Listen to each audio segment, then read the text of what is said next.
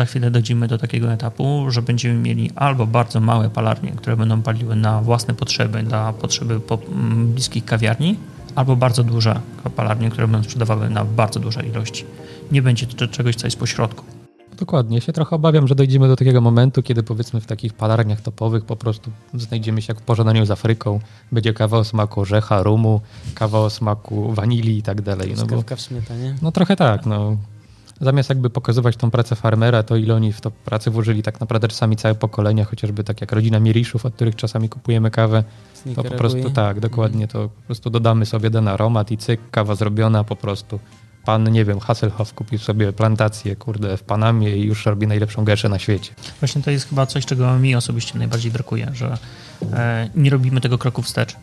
Czyli nie, nie pójdziemy, nie kupimy na przykład filiżanki włoskiej kawy, bo jesteśmy tak bardzo do przodu. Dumni. Tak jesteśmy dumni, tak bardzo lubimy owocowe, kwasowe kawy, że nagle zapominamy, od czego to się wszystko wywodzi a z drugiej strony uważam właśnie, że dobrze byłoby zrobić ten krok wstecz po to, żeby zobaczyć, gdzie jesteśmy, co mamy aktualnie. I czego klient oczekuje też bardzo często. Tak, dokładnie. Nie mam jeszcze takiego powiedzmy spaczonego gustu, chociaż miałem przez jakiś okres czasu taki też podejście, że tylko tak najlepsza kawkę, tylko Kenia, Etiopia. Przy czym ten rynek jest tak szeroki i tak daje dużo możliwości, że nie ma co się zamykać po prostu i warto dać klientowi wybór. Mamy tak samo i Cerrado, mamy jakąś Guatemala Santa Rosę, jak i mamy też Geszę w tym momencie, która jest za jakieś chyba 500 zł za kilogram, jeżeli dobrze pamiętam. Witajcie w podcaście o kawie. Dzisiaj naszymi gośćmi są Wojtek Żydki i Rafał Kaniewski. Za chwilę zaproszę Was do rozmowy, w której oczywiście jestem z Konradem, tutaj bez zmian, chociaż nagranie wstępu wyjątkowo solo. W podcaście lubimy też trzymać rękę na pulsie, wiedzieć co dzieje się w branży kawy, dlatego przed rozmową zadzwoniłem do Basi i Michała, którzy wkrótce na warszawskim Żoliborzu otwierają Błysk Espresso Bar.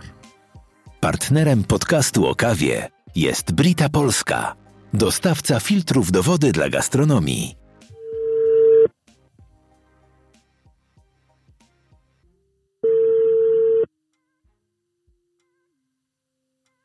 Cześć. O, cześć Michał. Cześć. Czy dać Cię na głośnik, żebyśmy mogli też e, wspólnie porozmawiać? Tak, spróbujmy. Halo? O, Halo? witajcie. Witaj Basiu, witaj, witaj Michale. Cześć. Błysk Espresso Bar na warszawskim Żoliborzu. To będzie nowe miejsce. Tak. Planujemy otworzyć e, właśnie taką nową kawiarnię. Błysk Espresso Bar. Będziemy na Słowackiego 22, na, na Żoliborzu oczywiście. Więc e, tak, chcielibyśmy wszystkich też przy okazji zaprosić. Nie wiemy dokładnie, czy to będzie połowa lipca, mamy tak w planach, a i będziemy się starali wszystko zrobić, żeby właśnie do tego momentu otworzyć, ale na pewno jeszcze będziemy informować na bieżąco. A powiedzcie, czego można się spodziewać w waszej kawiarni? E, no w naszej kawiarni na pewno można się spodziewać dobrej jakości kawy. E, staramy się, żeby to były kawy z jak najbardziej e, popularnych palarni w, nie wiem, w Europie czy w Polsce, ale również będziemy stawiać też na jakieś palarnie, które dopiero się będą otwierać, żeby móc ich jakoś tam wypromować e, i zacząć jakąś współpracę. E, no, w Błysku będą, będą dostępne różnego rodzaju espresso. W sensie będziemy stawiać i na klasyki, i na bardziej owocowe e, kawki. Tak, no i zależy nam na tym właśnie, żeby gdzieś nawiązywać współpracę właśnie nie tylko z tymi już większymi palarniami znanymi, ale też przez to, że jesteśmy w tej branży już od dość sporego czasu, od wielu lat, to wielu naszych znajomych też gdzieś zaczyna swoją przygodę w innych dziedzinach, na przykład tworząc własną markę jako palarnia i chcemy współpracować po prostu w tej branży i z nowymi, i ze starymi wydami. Okej, okay. wiem o Was, że mm, działacie od dawna w branży, ale może będzie okazja w przyszłości się spotkać i trochę dłużej o tym e, porozmawiać. No dzisiaj właśnie zaprośmy słuchaczy. Y, jeszcze kilka tygodni trzeba zaczekać. Tak. E, Warszaw... Mhm. Szykujemy wszystkie sprzęty, e, planujemy produkcję i wszystkie, mm, testujemy różne przepisy. Także mhm. wszystko jest w trakcie, prężnie działa i myślę, że niedługo to już się bardziej deklaruje. A powiedzcie, jak duże to miejsce? To jest bardzo malutkie miejsce. E, całość ma 22 metry kwadratowe. W sali takiej dla gości będzie aż 17 metrów. Ale nas to totalnie nie przeraża, ponieważ tak naprawdę większość naszych ulubionych kawiarni w Polsce ma właśnie małe rozmiary. I nie ukrywamy, że to był też nasz cel, żeby znaleźć takie miejsce, które mimo, że będzie miało małą przestrzeń, to będzie miało dość dużo treści. Okej, okay. brzmi zachęcająco. Super. To co, zapraszamy, tak, zapraszamy jeszcze raz słuchaczy i do zobaczenia i do usłyszenia. Tak, na naszych profilach na Facebooku, Instagramie będziemy na bieżąco cały czas e, dawać informacje, jak idą prace i kiedy możemy się spodziewać konkretnego terminu. Otwarcie. Błysk, błysk Espresso Bar, bo nie powiedzieliśmy, tak. jak szukać. Błysk tak Espresso Bar, dokładnie. Okej. Okay. Nowe, świeże konto też trafiłem. Widzę, że liczba obserwujących rośnie. Jak to zawsze przy świeżakach. Na początku jest że wzrost. Mam nadzieję, że się utrzyma. Że się utrzyma. Ale przede wszystkim nie możemy się doczekać, aż e, będziemy mogli zaprosić gości tak, do środka i poznać się ze wszystkimi Dokładnie. osobiście i stanąć za własnym barem i spełniać swoje marzenia. Dziękujemy. Do usłyszenia, do zobaczenia. Dzięki, Dzięki wielkie, wielkie do usłyszenia. Miło było usłyszeć, co planuje Basia i Michał. Naprawdę z przyjemnością odwiedzimy to miejsce. Jeżeli gdzieś w Polsce też planujecie wkrótce otworzyć kawiarnię i jeśli robicie remont i wiecie, że już wkrótce będziecie mogli otworzyć drzwi dla klientów, napiszcie do nas. Chętnie zadzwonimy i zaprosimy naszych słuchaczy. Dziękuję, że słuchacie naszego podcastu. Z przyjemnością widzimy w statystykach, jak wielu z Was słucha od początku do końca. Jeżeli słuchacie w aplikacji typu Spotify, to proszę ocencie nasz podcast, klikając odpowiednią liczbę gwiazdek. Od kilku miesięcy jest już taka możliwość. Dzięki takim ocenom podcast dociera do jeszcze większej grupy odbiorców. Jeżeli używacie iPhone'a, to oczywiście na, w aplikacji podcasty również możecie ocenić. To dla nas bardzo ważne i będziemy wdzięczni. Szukajcie nas, nas na Instagramie, podcast o kawie. Jesteśmy też na Facebooku. Na Facebooku mamy również grupę, zachęcam, dołączcie do niej i mamy własne konto na Patronite. Jeżeli chcecie być naszymi patronami, serdecznie zapraszamy. A teraz już posłuchajcie, co nasi goście mówią o sobie, co mówią o kawie dostępnych w palarniach, w jakich pracują. Trochę rozmawiamy o tym, co ważne, co dzieje się w branży kawy. Konrad, może tym razem zacznijmy od tego, że to my powiemy, co wiemy o naszych gościach. Uśmiechasz się. Tak, dobrze, no dawaj. Ja jest, Chcesz zacząć, czy ja mam zacząć? Ja może zacznę, bo wydaje mi się, że ty wiesz więcej. Okej, okay, no dobra. E, jeśli chodzi o Wojtka, to wiem tak, że zaczynał w Kawki na Stawki, to w ogóle takie miejsce e, chyba ważne na mapie Warszawy, zaraz obok filtrów. No wiesz, takie miny, że może się okazać, że nieprawda, ale podobno tam spotkał się z Rafałem i tam się poznali, tam razem pracowali. To ja tyle wiem. Zaraz będą prostować nasi goście, także pozwólcie, że ja tutaj będę miał prawo sobie mówić to, co, to co wiem. Później wydaje mi się, że widziałem Wojtka w Ministerstwie Kawy, tam na placu, jak się nazywa? Zbawiciela. Na placu Zbawiciela. E, to to wiem. No a później już Coffee Labi. Chyba dzisiaj każdy kojarzy Wojtka z Coffee Labu. Jak wrzuciliśmy zdjęcie na stories, no to Bartek napisał, że no, pracował w Coffee Heaven. Nie? To ja nie wiedziałem, ale to Wojtek poprosimy, powiedz, e, czy rzeczywiście takie były początki. E, a w weekend wrzucił, że Stranger Things ogląda. To nie wiedziałem. Kto tak napisał? Wojtek, bo sobie oglądałem Instagrama w piątek. No, okay. I też, że Stranger Things wrzuciłem.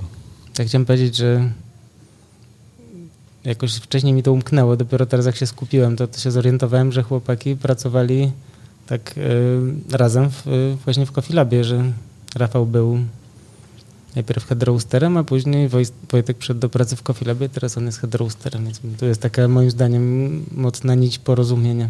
A, to ja nie wiedziałem. E, czyli później Rafał przeszedł do Java Coffee. Dobra, ale czekaj, to żeby uporządkować, e, to co ty jeszcze wiesz o Wojtku? Hmm. Chyba nie wiem więcej niż to, co powiedziałeś i to, co ja powiedziałem. O Rafale wiem więcej. Że w 2018 mistrzem Polski paleniu kawy. I jeszcze wiem, to pamiętam, że mieliśmy przyjemność razem pracować na francuskiej. I na filtrach, i na placu zabaw, i na barce. No tak, ale to były takie bardziej. E, Filtry na wakacjach. No, filtry na wakacjach, a na francuskiej 30 na dłużej. A te francuska 30 to był lokal, w którym zrobiliśmy. nie, nie ogarniam, rozmawialiśmy o tym No, kiedyś. mieliśmy taką kawiarnię kiedyś na To twoja była, tak? Kępie. No, Poza filtrami. temu. Mhm.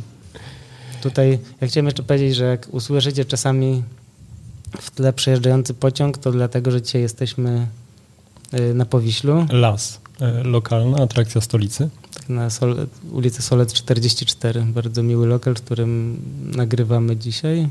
Powiedziałem, jak tu przyszliśmy, że jakbym miał dużo pieniędzy, to bym chętnie go wynajął i w nim mieszkał. Jest zielony, jest świetny i jest blisko torów. Każdy z Was może przyjść tutaj i wieczorem spędzić czas, bo jest ładny ogród.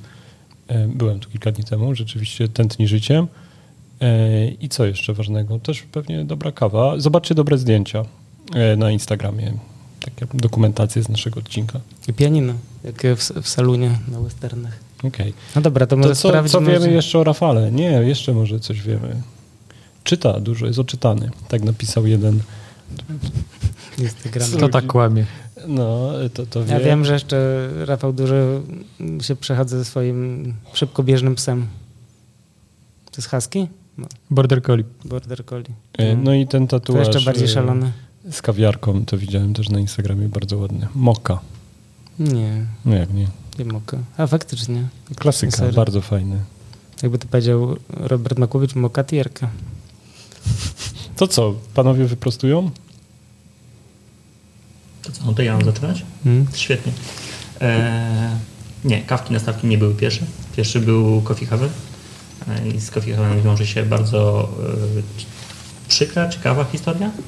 E, zaczynałem tam pracę jako student studiów wieczorowych, więc zaczynałem pracę o 7 do 15, o 15 na zajęcia, o 22, 23 A, do a co studiowałeś?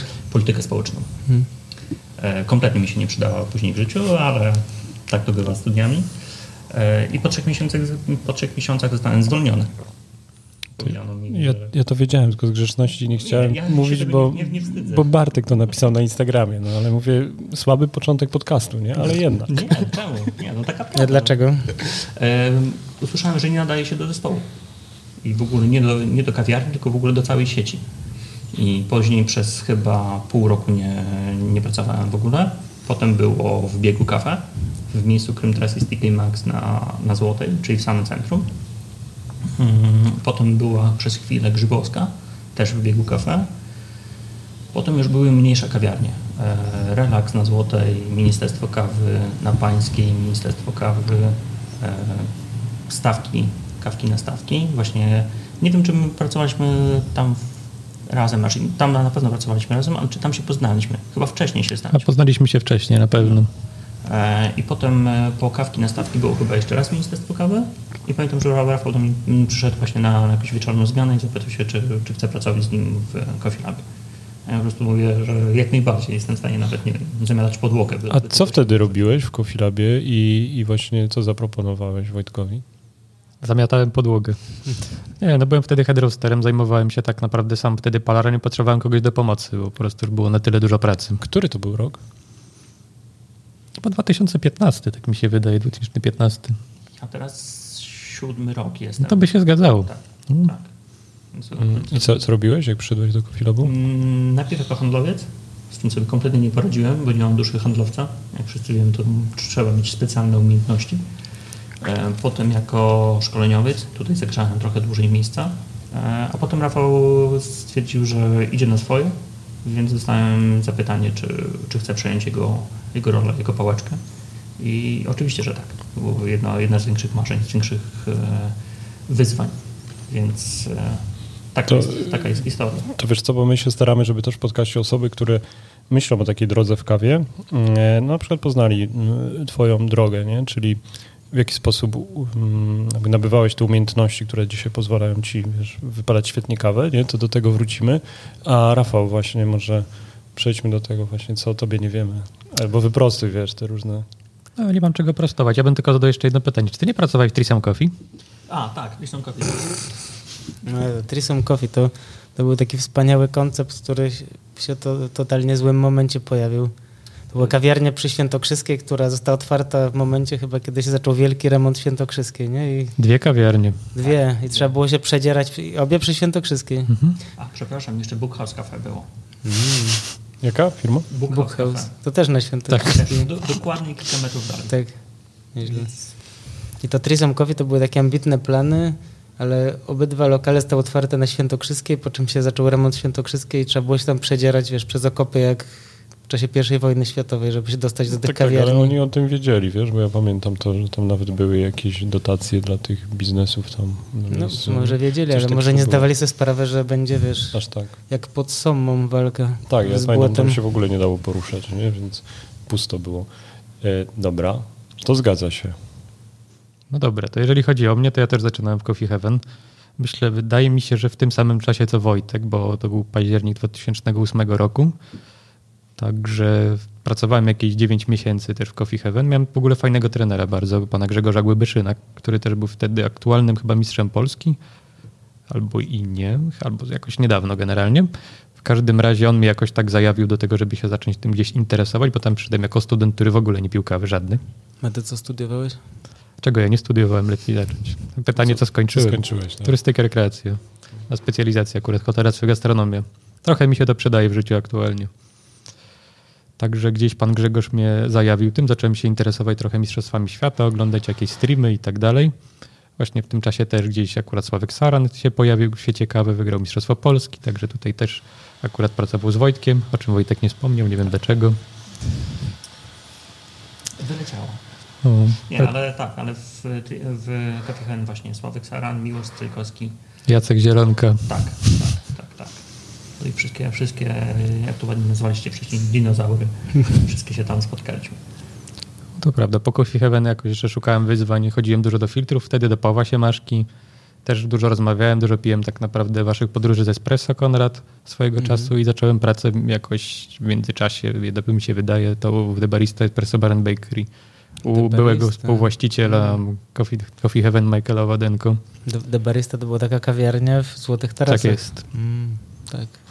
Tam też mieliśmy dużo swobody, także dużo się nauczyłem i poszedłem sobie dalej szukać swojej drogi. Generalnie cała moja droga kawowa to było gdzieś szukanie sobie wyzwań, można powiedzieć.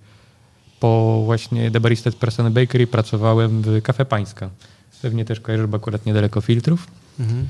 I po tym czasie, czego ja nie robiłem jeszcze, pracowałem w kofeinie, pracowałem tu na francuskiej, na filtrach, tak naprawdę podróżowałem po całym świecie, potem gdzieś trafiłem na kawki na stawki. Mi się z Wojtkiem wydaje, że poznaliśmy się na którymś cuppingu albo jakimś aeropresie. Bardzo Tak mi się coś kojarzy. No właśnie, Wojtek, ty chyba zająłeś kiedyś trzecie miejsce na Mistrzostwach Polski w presie, co? Tak, w Ministerstwie Kawy było. Dawno temu. Tak, dawno temu, że już nikt o tym nie pamięta. Wygrała wtedy Julka, która złamała rękę wychodząc z metra. Tak. I miała jechać do, do Melbourne bodajże. Ale złamała sobie rękę jak szła na zawody? Czy... A, szła z rowerem na plecach, po prostu potknęła się na schodach. Mm. Już po, po zawodach, już szczęśliwa, że już Mhm. zwycięstwo w kieszeni i nagle ciach. No, I tak. była surogatka w Australii.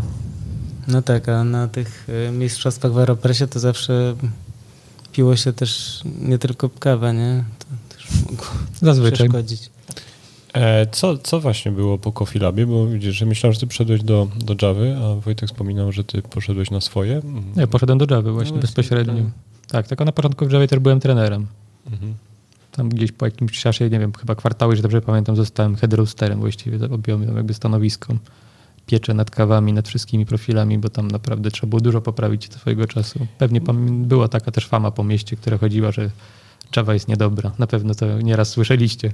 No wiesz co, to mam wrażenie, że to takie gadki to o kawiarniach i o palarniach to się regularnie pojawiają. Tak, Nagle ktoś mówi, o Jezu, jak te filtry się zepsuły, albo o Jezu, jak ta czarna fala się zepsuła, albo jak się ta Java zepsuła, nie? I tak A zawsze... później, a później No, pytam, którą, story. którą kawę wysłać w konkursie, jak ktoś tam kilku wygrało, to piszą czarną falę. No dobra. No także wiesz, no to Nie mi się wydaje, te że po prostu jest tak dużo zmiennych i tak dużo takich sytuacji nieprzewidzianych, że jak ktoś przyjdzie raz do jakiejś kawiarni, wypije złą kawę i później rozpuszcza informację, że się ta kawiarnia zepsuła, to może być totalny przypadek. Nie? Mm. No dokładnie. Mimo wszystko pewnie słuchają nas osoby, które was nie znają, więc właśnie jakbyście mogli się e, tak przedstawić co teraz, czyli e, no właśnie Rafał, w Javie odpowiadasz za to, co wpada do pieca i co z niego wychodzi, za wszystko? Czy Tak. jest jeszcze ktoś, kto wypala? No, odpowiadam właściwie za to wszystko bezpośrednio, tak samo jak i za logistykę w całą, tak naprawdę przy, wszystkie rzeczy, które do nas przychodzą i wychodzą właściwie. I mam jeszcze dwóch chłopaków, Michała i Kubę, którzy palą bezpośrednio właściwie. Ja właściwie ich tylko nadzoruję, tak jak cały zespół palarni. Czyli ty już jesteś panem menadżerem. Tak jest, można No, powiedzieć, Ale jakby to jakoś procentowo powiedzieć, ile czasu ty spędzasz przy piecu, czyli No ile z wypalonych kaw to jest twoja robota? To Bardzo zero. mało. Jestem bardziej w tym momencie jako backup, jako nadzorca niż jako roaster. Czyli Okej. robisz z chłopakami bardziej kontrolę jakości i myślicie o profilach i takich rzeczach. Dokładnie tak, o tym co zamówić, jaki profil wpisać na paczkę i tak dalej, i tak dalej. Czyli tu mamy. Y, Raf, Rafał jest takim właśnie, to jest jedna z wersji head roastera, czyli bardziej człowiek, który pracuje z, y, z innymi palaczami, który jest bardziej takim kupcem zielonej kawy, tak? Trochę człowiekiem od profili. Dokładnie tak. A ty, Wojtek, jesteś bardziej takim head roasterem, który też pali. Tak, tak, zdecydowanie tak. Y, Wszystkie single, jakie mamy u siebie w Coffee Labie wychodzą z, spod mojej ręki, ale mam też pomoc y, w postaci Irka, który pracuje z, z nami w sumie od nie wiem, chyba pół roku. To ten, co na stronie jest opisany jako Young Roaster. Tak, tak, dokładnie tak. Young Roaster. Jak jakiś raper. Można tak powiedzieć, ale, ale naprawdę bardzo dobrze sobie radzi. Mhm. Więc, No dobra, czyli u, u was jest taki styl, że z kolei ty spędzasz dużo swojego czasu przy piecu, ale pewnie z kolei masz mniej takich zadań, które ma Rafał, typu właśnie logistyka i tak dalej. Mm, Nie, właśnie nie. Na tym, na tym polega ten, e, nie wiem, czy problem, czy, czy moje zadanie, ale mm, ja przede wszystkim odpowiadam za e, wybór zielonego ziarna, Mhm. wybór e, tych singli, które normalnie pijemy, Mhm. e, za zamówienia i za kontrolę jakości. Mm, Irek jest osobą, która odpowiada za wypalanie kaw e, tych podstawowych, tak to może na, nazwijmy. Czyli to brzmi jakbyś robił regularnie nadgodziny. Może nie od godziny, ale prawie każdego dnia dwa, trzy, cztery piece z samego rana są, są moje. Mhm. E, To jest tak, że ja też nie do końca chcę o tym zapomnieć, bo to jest naprawdę, e, no, dla mnie jest to bardzo przyjemne, bardzo przyjemna Mhm. rzecz i, i nawet, e, nawet nie chciałbym od tego odchodzić, ale z drugiej strony wszystkich dookoła rzeczy, które wiążą się z, właśnie z zamówieniem kawy czy z e, kontaktem z dostawcami, też trzeba zrobić, też trzeba mieć na to, na to czas, więc gdzieś tutaj Irek mnie odciąża w, w tym temacie. Mm, Ale jakby nie, nie, jakby nie patrzeć, zawsze słucham tego, co ma do powiedzenia. Jeśli mówi, że, że nie wiem, że coś by poprawił w danym profilu i uważa, że coś można byłoby zmienić, to, to zawsze to robimy. A ile osób próbuje ciekaw? E, Jesteśmy w dwójkę nas. E, Jeszcze jest Piotrek Nus, który, który jest naszym e, szkoleniowcem i teraz dodatkowo do tego doszła do nas Iga, która też będzie z nami pracować jako szkoleniowiec. Więc jest nas czwórka. Czy macie taki panel e, smakowy, czteroosobowy? Tak, czteroosobowy i chyba to, co jest najważniejsze w tym, że, że nie zgadzamy się zawsze. Więc zawsze są jakieś delikatne rozbieżności. To powoduje też to, że te kawy są różne. Różne mamy kawy, różne, różnie je palimy do różnych klientów, tylko po to, żeby każdy miał coś dla siebie. A macie jakąś taką wizję, misję, syntezę tego waszego stylu palenia? Szeroko. Szeroko. Szeroko. Szeroko to choćby z tego względu, że y, mamy serię Magic Beansów, czyli kaw o tych y, wysokiej jakości. Mamy kawy, które są y, klasyczne, czyli Etiopia, Kenia. One, one oczywiście też są wysokie, ale część ludzi uważa, że to tylko Kenia, to tylko Etiopia. Mamy kawy, które są basicowe, czyli choćby jakaś Guatemala, która e, będzie się dobrze nadawała i pod espresso, i pod filtry. Ale na przykład ostatnio wprowadziliśmy kawę bezkofeinową, gdzie 40% to, to robusta bezkofeinowa. Więc to też jest e, dosyć szeroko, bo mamy klientów, którzy na przykład kupują kawę bezkofeinową i robią ją później z tego espresso, a jak wiadomo z e, jasno palonych kaw espresso zazwyczaj wychodzi kwasowe, więc nie każdemu to pasuje. Więc w tym wypadku na przykład ta mieszanka jest dosyć ciemnopalona. Mhm. Więc na tym, na tym polega ta nasza, nasza filozofia, żeby mm, każdy miał coś dla siebie. Oczywiście nie musisz tego kupować, może ci to nie, nie smakować, bo, bo to tylko gusta, ale trzeba dać sobie szansę. No rozumiem. Czyli u was szeroko, a wasza misja, Rafał, jaka jest? Wąsko. Wąsko, żeby dawać dobre kawy po prostu.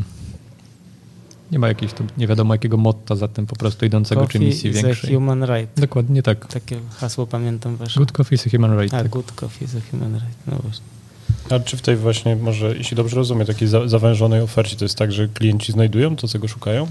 No bo tu się domyślam, że ta filozofia, mm, Wojtek mówisz, Jeśli Coffee nie Labie. znajdą, to przyjdą do mnie. No właśnie i mam wrażenie, że tu jest jakieś lekkie ryzyko. Nie, mi się wydaje, że to tak trochę mówimy teraz pół żartem, bo wcale chyba Java nie ma wcale takiej wątkiej oferty. Nie, nie, nie, nie. Nie mamy po prostu robusty właściwie. Poza tym mamy bardzo szeroki wachlarz, jeżeli chodzi o kolory palenia, czy same, czy ilość mieszanek. Także zawsze coś znajdzie każdy klient właściwie u nas. O ile nie uprze się przy tym, że musi być robusta. Chociaż mamy też taką kawę, która jest, smakuje trochę jakby było z robustą. Co to za kawa? Jest to nasz klasik tak naprawdę, old school. To jest dawna siódemka, jeżeli pamiętasz. Dawne nazewnictwo. Tak, javowe. bo dawniej w Javie było tak, że Numery. blendy miały cyferki. Tak jest. 001, 002 My i tak chyba dalej, i tak do filtrów trójkę czy piątkę. Szóstkę. Szóstkę? Mhm. Nie. Damn. To, to na rozgrzewkę, jak Wojtek mówi, że rano ze trzy piece, i jak duży macie piec? Ile tam 20 kilo jest? Mm, To jest Coffee Tour 30-kilowy. I piętnastkę Gizena, nie? 15 Gizena, ale w dużej mierze właściwie w tym momencie pracujemy tylko na, e, na Tour. Więc e, wszystkie single, wszystkie kawy są robione na tym piecu. To jest ta izraelska firma? Przepraszam? To jest e, grecka. A, to grecki jest To Coffee Tool. Tak, Mhm. e, grecki jest e, Tool i dałbym sobie rękę uciąć za niego. Okej. Świetnie, świetnie mi się na nim pracuje, naprawdę bardzo gładkie, czyste i bardzo dobre te kawy wychodzą. Na przykład te, które mają właśnie robustę w środku, którą część osób uważa za, za coś złego, a przy tym piecu idealnie naprawdę wychodzą. Naprawdę bardzo dobrze ta kawa smakuje. Mm, Zasyp jest 30 kg, oczywiście strata około 15-20%, więc e, 24 kg z jednego zasypu. E, Dodatkowo do tego mamy jeszcze piec e, jednokilowy Gizena, tylko pewnie Rafał bardzo dobrze pamięta, ale on już i tak jest bardzo mało używany. Zawsze był mało używany. Zawsze był mało używany, tak, to też prawda. E, I jest jeszcze Ikawa, czyli Tak, sampler. tak, Mhm. jako Czyli do sampler, próbek. Dodatkowo do tego planujemy jeszcze kupić e, właśnie z Coffee e, piec na, na 500 gramów, na pół kilograma. Po to właśnie, żeby jeszcze bardziej profilować te kawy, jeszcze bardziej je wy, wygładzać, wyczyścić i żeby były jeszcze lepsze. Hmm. A to w tym znaczeniu myślicie, że zrobicie jakiś taki profil na tej 500 półkilówce Tak, i tak, on tak. będzie przenaszalny na tą 30? Tak, dlatego że chyba dwa tygodnie temu byłem właśnie w, w Atenach, właśnie w Grecji, Mhm. gdzie e, rozmawiałem właśnie z ludźmi, którzy te, te piece wykonują i idealnie jest właśnie odzorowany czy to airflow, czy to obrot, obroty bębna, czy palnik, który jest. Mm, Super. E, więc tak naprawdę w dużej mierze jesteśmy w stanie przenieść prawie że jeden do jednego.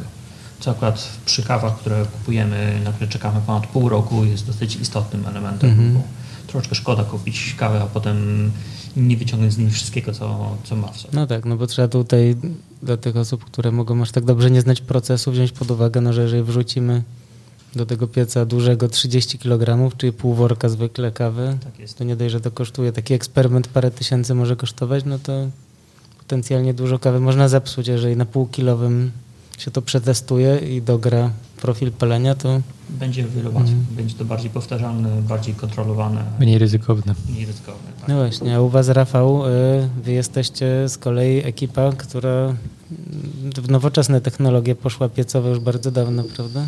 No tak, od 2013 roku w Java jest Loring, czyli tak naprawdę Fluidbed Technology, tam nie ma palnika, jest no, jedynie... Wcześniej był też ten Civet, on też Tak jest, jest, taki. wielka suszarka. No, ja bym to bardziej nazwał niż piec zapalenia kawy, no ale No, tak, to można... taki silnik rakietowy, jak go odpalaliście, to brzmiało jak ten jego kęcie trochę. To prawda. Taki ogień, nie? To No prawda, odrzutowiec totalnie. O, mamy 35-kilowego Loringa właśnie i 25-kilowego Didricha od 2017 roku. No, mamy dwa amerykańskie piece, są bardzo powtarzalne przede wszystkim z tego, co już też zauważyłem i kawa ma właściwie pełną powtarzalność w stosunku na przykład do Didricha. Na Loringa na pewno trudniej mi to znacznie przenieść ten profil, ale bez problemu mogę go przenieść na Didricha i wypalić właściwie identycznie tak samo. Co ja jeszcze mogę powiedzieć o tych piecach? No to jest tak, że bo ja miałem takie, kiedyś czytałem jakieś artykuły, które ludzie pisali o choćby o pracy z Loringiem i, i takie było przemyślenie, że kawę z tych pieców właśnie w ten sposób działających, czy tych R, jak to się nazywa, R, Znaczy no właściwie bez palnika w środku, Mhm. można powiedzieć, No no bez palnika. opalanych powie ciepłym powietrzem. Ciepłym powietrzem, no. Fluid bed roaster, tak to się nazywa fachowo?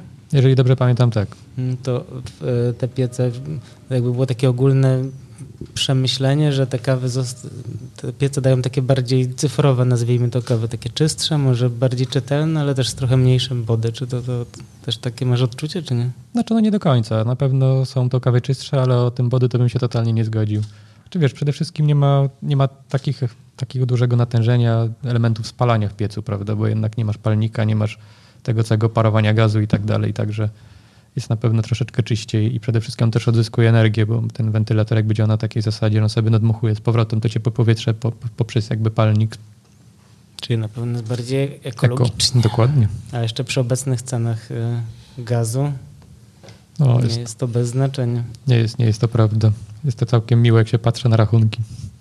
No właśnie, to jest jeden też z tematów, które na pewno całą branżę poruszają i poruszą. Nawet widzę, że przez ostatnie parę tygodni gaz podrożał tak dwukrotnie. My jak raz używamy gazu w butlach, ale słyszałem, że, że osob- ludzie, którzy używają w gastronomii e, gazu ziemnego z sieci, no to dostali propozycję podpisania umów 900% wyższych na przykład. No to my nie, nie, nie. My też używamy gazu właśnie ziemnego, ale nie dostaliśmy tak dużej podwyżki. Jest zauważalne, ale nie jest aż tak duże. A to pewnie też dotyczy słuchaczy, bo mhm, też jest czas podwyżek cen ziarna. E, dobra, wiecie co, jedna rzecz właśnie taka, która bliżej jest naszych słuchaczy, e, to też ta ciekawość m, takiej drogi zawodowej. I tak się zastanawiam, wcześniej o tym wspomniałem, Wojtek, które doświadczenia te, m, wiesz, z ostatnich pewnie nawet już kilkunastu lat w branży kawy dały ci najwięcej do, do tej umiejętności palenia kawy? Czy Mm, Wiesz co, myślę, że chyba pierwszy piec, który zrobiłem sam, bo jak e, Rafał powiedział, że, e, że odchodzi z Coffee pokazał mi wszystko, co wiedział. Pokazał mi, jak to ma wyglądać. To tak jak ktoś uczy nas e, jeździć samochodem. Jesteśmy w stanie wyjechać na miasto, pojechać w tej i- wrócić. Mm, Ale to też od nas zależy, jakim samochodem będziemy jechać, jak ta droga będzie wyglądała, czy ona jest agresywna, czy nie. Więc Rafał, mi pokazał, jak jeździć, ale później sam musiałem się nauczyć, jaki mam styl. Więc e, pierwszą kawę, którą wypaliłem, kiedy Rafała już nie było, to było, pamiętam, że było Peru e, i smakowało obrzydliwie, więc to było e, dosyć dobra nauczka. takie bo... 30 kilo od razu wsypałeś? Nie, nie, to było, to było na, na 15-kilowym piecu, chyba zasypu było chyba 10 kilo. E, tylko oczywiście w piecu pachniało wszystko super, byłem strasznie zadowolony, cieszyłem się, że w końcu coś mi dobrego wyszło, na, e, sam to zrobiłem i super. Potem pamiętam, że Jacek Zieniewicz, który z nami pracował, przyszedł następnego dnia i mówił, wiesz co stary, to smakuje mokrą gazetą, tego się nie da pić i w ogóle i to był taki naprawdę mocny policzek, ale dzięki temu zrozumiałem, że jeszcze ho, ho i jeszcze trochę tej drogi przede mną. Więc pamiętam, że to była taka pierwsza rzecz. Mm, A druga to to, kiedy dostałem, zacząłem dostawać pierwsze takie informacje, że e, kawa jest dobra, dobrej jakości, że to naprawdę smakuje i e, to, co robię, ma sens. Więc to wydaje mi się, że było chyba tym największym plusem. To było taką metodą prób i błędów własnej analizy? Tak, trochę tak, trochę tak. No tak jak mówię, to wszystko zależy od tego, jaki masz styl palenia. Jeden powie, że na przykład mm, robi bardzo krótkie roasty i bardzo agresywne, bardzo szybkie. Drugi powie, że robi bardzo długie i bardzo długo się ta kawa u niego rozwija. Jeden robi tak, drugi robi inaczej. E, Ja nauczyłem się troszeczkę od Rafała, ale z drugiej strony też musiałem później sam e, myśleć o tym, jak to zrobić dalej, żeby to smakowało. Bo to nie, nie problem kopiować tylko trzeba mieć gdzieś tam, uważam, że swój własny styl. E, Jednemu będzie smakował, drugiemu nie. To jest też kwestia, kwestia gustu. Więc, więc myślę, że, że ta, pierwsza, ta, ta pierwsza kawa, która była obrzydliwa i niedobra, to dało mi do zrozumienia, że naprawdę jeszcze sporo rzeczy trzeba się nauczyć.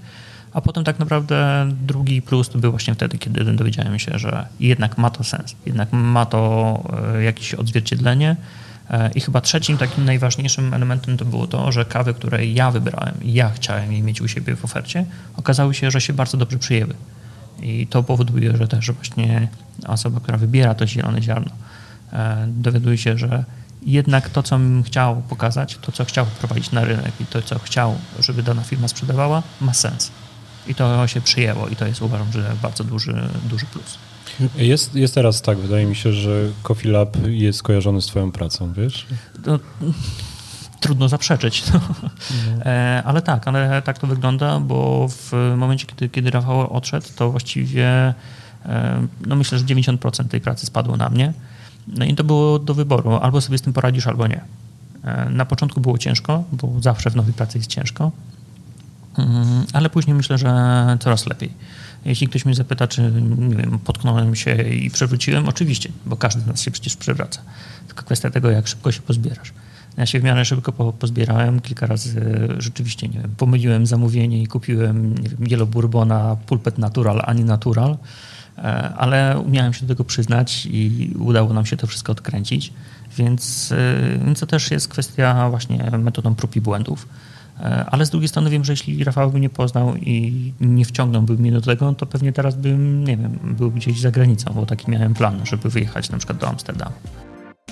Partnerem podcastu o kawie jest Brita Polska, dostawca filtrów do wody dla gastronomii. Rafał, jak wyglądała ta twoja droga e, też właśnie w tym rozwoju tej edukacji? No bo masz duże doświadczenie dzisiaj. No właśnie, no, jak, jak wygląda ta droga aż do zostania mistrzem Polski paleniu kawy? To jest ciekawe. Była pełna wybojów, ale jeżeli chodzi w ogóle o początek palenia kawy, to jest to dość śmieszna historia, bo w piątek mój szef jeszcze wtedy w Kofilebie zaprosił mnie na rozmowę no Rafał, słuchaj, mamy problem z paleniem, z powtarzalnością i tak dalej. Wiesz co, mam taki pomysł. Poniedziałek staniesz przy piecu. I tak właściwie zacząłem palić. Jakby pierwszy tydzień był totalnie testowy i właściwie w piątek przyszedł Tomek i powiedział no dobra, pykło, to zostajesz po prostu w palarni i właściwie tak zacząłem palić. Jeżeli chodzi o sam rozwój wiedzy, to czytałem bardzo dużo forów, trochę z Kotarao. Musiałem sobie oczywiście, tak jak też Wojtek to powiedział, przefiltrować swoją wiedzę, nauczyć się własnego stylu. Też dużo kapowałem starałem się zrozumieć te błędy, które popełniałem w piecu. Czytałem właśnie o defektach palenia też, o tym, jak wyglądają te ziarna, jak smakują i gdzieś na podstawie tak naprawdę własnych doświadczeń wypracowałem właśnie taki swój styl. Czyli oboje jesteście samoukami. Tak jest. Ja dopiero miałem szkolenie i tak naprawdę jak przyszedłem do Java. Pojechałem sobie wtedy do Szwecji, do Joanny do Dropa. I tak mhm. naprawdę tam dopiero przyszedłem taką drogę przez mękę, tym bardziej, że miałem wtedy, jak się okazuje teraz, bo niedawno byłem ortopedy, miałem wtedy naderwane więzadło w kostce, także było, było ciężko wchodzić po drabinie i wrzucać zieloną kawę na górę. Ale bardzo dużo się też od Janny nauczyłem. Przede wszystkim, wiecie co, mam wrażenie takie, jeżeli chodzi w ogóle o samą pracę roastera, to bardzo ważny jest dystans. Dystans do tego właśnie, co ci mówią ludzie. To nawet co rozmawialiśmy jeszcze przed włączeniem podcastu, jak bardzo dużo jest opinii na temat kaw, jak bardzo dużo jest czasami hejtu, bo to mi nie smakuje, bo ktoś mi źle zaparzył, bo coś było nie tak zawsze, zawsze znajdziecie ktoś, komu nie zasmakuje tak naprawdę. I też trzeba umieć przefiltrować tą wiedzę. Oczywiście to nie jest tak, że powinno się ją ignorować, to na pewno trzeba sprawdzić zawsze każdą opinię klienta, mhm. ale trzeba sobie zdawać z tego sprawę, że wszystkie opinie są też subiektywne. Trzeba ją sprawdzić, po prostu przewertować w jakimś panelu sensorycznym i ocenić, czy klient miał rację, czy po prostu nic się nie stało. No tak, i też jest dużo zmiennych przy kawie, tak prawda? Jest. To nie jest taki produkt zamknięty, jak byśmy mieli, nie wiem, destylarnię alkoholu, browar czy coś, że robimy produkt, zamykamy go w butelce. Jak ktoś oczywiście nie, nie trzymał go przez trzy tygodnie na słońcu i to go zepsuł, no to spoko. powinno być wszystko tak, jak wyszło z fabryki, z browaru, z, z gorzelni czy coś. A u nas, u nas mówię w znaczeniu w świecie kawy, to, że my wypalimy dobrze kawę, czy wy wypalicie dobrze kawę, to jeszcze ona może zostać dwa razy po drodze zepsuta, prawda, w czasie parzenia transportu, przechowywania, chociażby ostatnio widziałem, że nasza kawa gdzieś, która była ostatnio polna w lutym, stoi sobie dalej w jednej z kawiarni na półce. Do parzenia do dripka w otwartej paczce, także nie sądzę, żeby już pokazywała swój pełny potencjał. No tak, ale czy to oznacza, że to jest zła kawa? To też nie, nie do końca jest tak. Nie, ale no. czasami to jest powodem tego, że też dostajesz złą opinię o swojej kawie po tak, prostu. Tak, tak, mhm. to prawda. To prawda. No, to, co my robimy, w sensie wypalenia, kupienia tego, tego ziarna, to jest jedna rzecz, a to, co później robią nasi klienci, czy, e, czy na przykład osoby w domu, to już mhm. jest druga rzecz. No bo jeśli używasz na przykład złej wody, złego młynka, e, czy na przykład nie rozumiesz danego urządzenia, to wyciągniesz ile? 60% danej kawy, a, no nie, tak. a nie 90 czy, czy 100.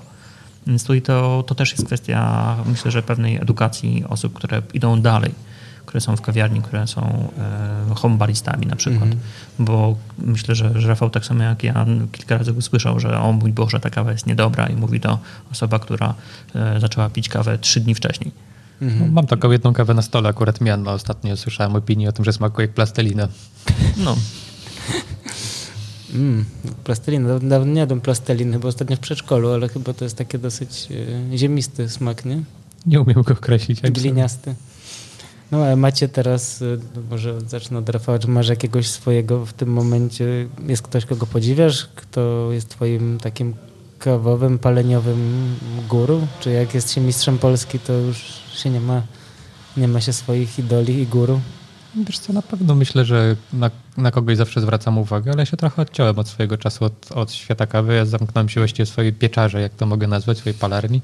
Mhm. I też rzadko można mnie spotkać na cuppingach, chyba że sami organizuję właściwie. Mhm, mhm. Także czy w tym momencie mam jakiegoś guru? Trudno mi, trudno mi znaleźć jakiś taki przykład, wiesz? Kiedyś na pewno bardzo zwracałem uwagę na to, jak właśnie pali Joanna Alm z dropa. Mhm.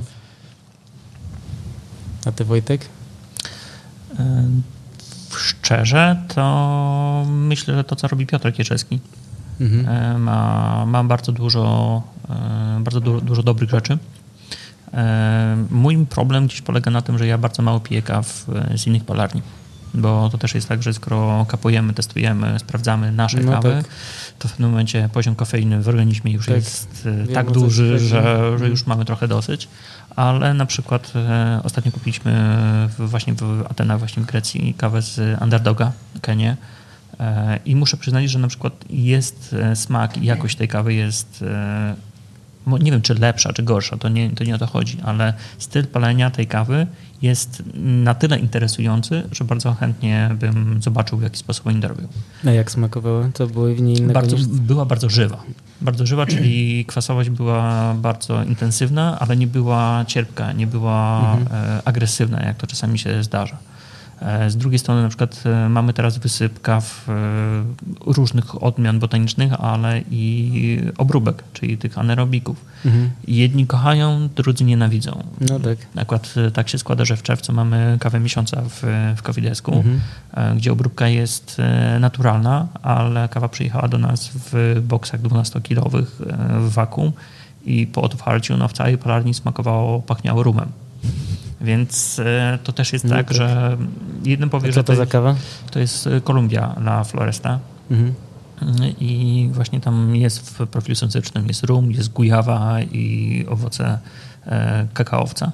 Mhm. To Też właśnie pytanie takie, czy, czy wiemy czym jest gujawa, bo, Mhm. bo tak naprawdę czasami przy takich kawach No tak, trzeba będzie sobie to opisy sensoryczne od importerów trzeba często przełożyć jednak na nasz język. tak, Y, ale z drugiej strony w, w polskim języku ciężko jest oddać słowo gujawa, smak Nie, nie, owocu no ale gujawa. może właśnie trzeba będzie znaleźć jakiś inny. No, ja ostatnio jakąś kawę y, kupiłem, która ma w opisie y, pan, tam było napisane, że cukier panela.